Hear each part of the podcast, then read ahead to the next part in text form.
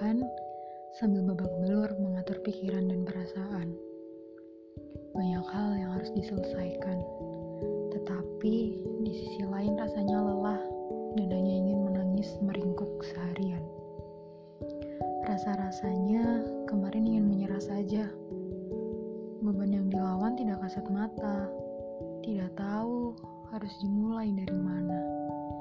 Tidur pun sudah tidak menjadi kegiatan istirahat, melainkan kegiatan untuk sejenak melarikan diri dari kenyataan.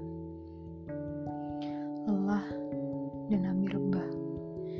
Tetapi harus paham jika tidak ada yang abadi di dunia, tidak pula sedih, tidak pula bahagia.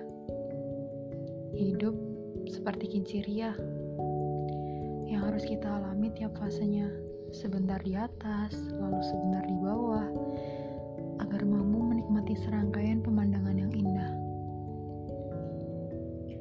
Untukmu yang sedang tidak baik-baik saja, untukmu yang berusaha memperpadat kegiatan agar tidak merasa kesepian, untukmu yang rela melakukan apa saja agar sedikit dapat mengurangi kepedihan.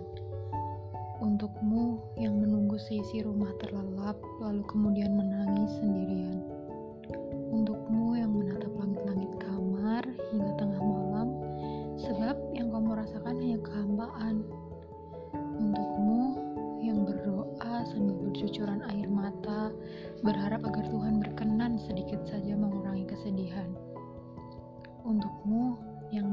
berpuntung-puntung rokok dan berharap sesak di dada mampu ikut dengan asap yang kamu embuskan ke udara.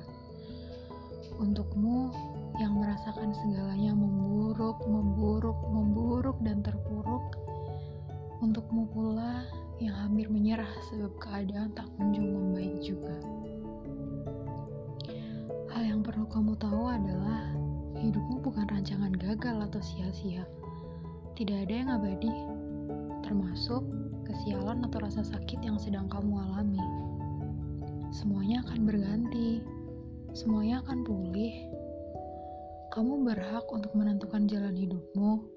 Kamu berhak terbangun dari tidurmu dan menentukan satu hingga beberapa hal yang bisa kamu jadikan sebagai tujuan hidupmu.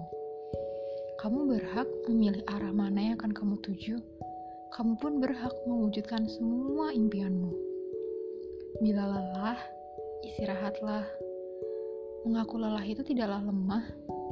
Ditolong ataupun ditopang bukanlah aib yang memalukan. Terima kasih, masih cukup kuat sampai detik ini.